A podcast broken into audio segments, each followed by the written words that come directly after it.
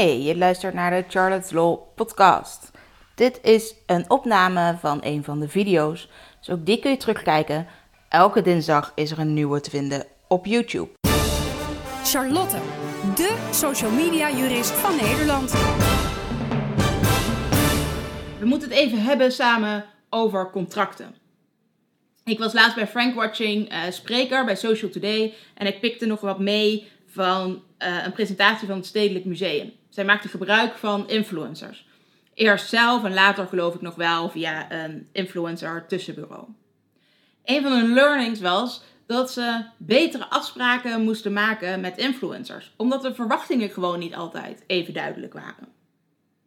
Nou, eigenlijk geldt dat natuurlijk gewoon voor alle contracten en helemaal niet alleen met influencers.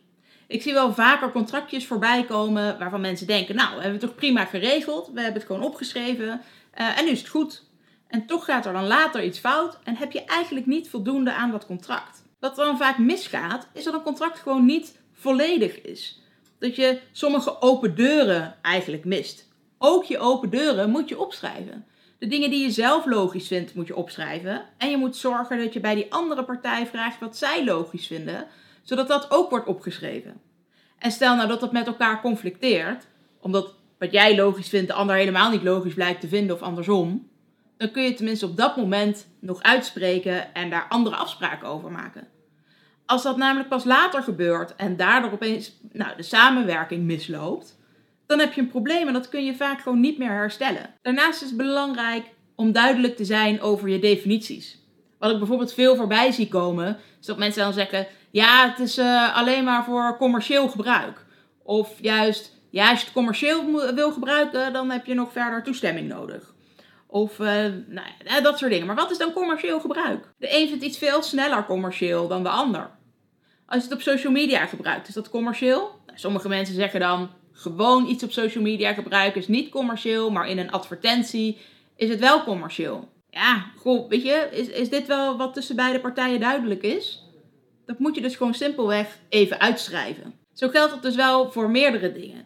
Ook als je het hebt over uh, hoeveel werk er bijvoorbeeld in een project gestoken wordt. De een vindt het een veel werk en de ander vindt het ander veel werk. De een die zegt, nou goed, maar als ik meer geld inbreng, dan moet ik ook minder hoeven werken.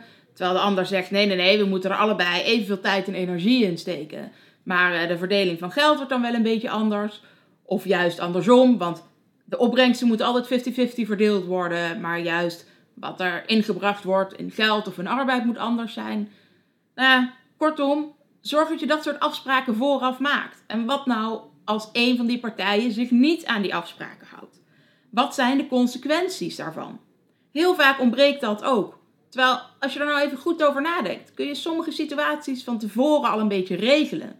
Als dit niet gebeurt, of als iemand dit niet doet, dan is dat en dat de consequentie. Anders krijg je al snel dat je veel gedoe krijgt, of dat je misschien die hele samenwerking wel moet opzeggen, terwijl dat misschien ook weer niet de bedoeling was. Of je zegt die samenwerking wel op, maar er blijven dus nog een hele hoop issues liggen die je niet geregeld hebt. Bijvoorbeeld als je samen aan een project begint en daar is een naam aan dat project gehangen. Nou, de een heeft dat bedacht, de ander heeft het goedgekeurd. Degene die het bedacht heeft, die heeft eigenlijk ook alleen maar dat gedaan, het bedenken. En de ander heeft de domeinnaam geregistreerd en heeft het bij zijn eigen KVK-nummer bijgeschreven. Ja, van wie is dan die naam? Daar zou je vooraf wel afspraken over kunnen maken. Kortom, probeer eens wat verder te denken.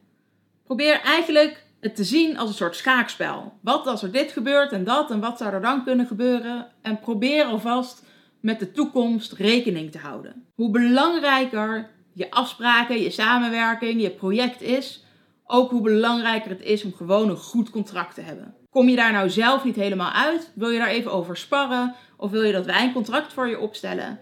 Bel of mail ons dan gerust.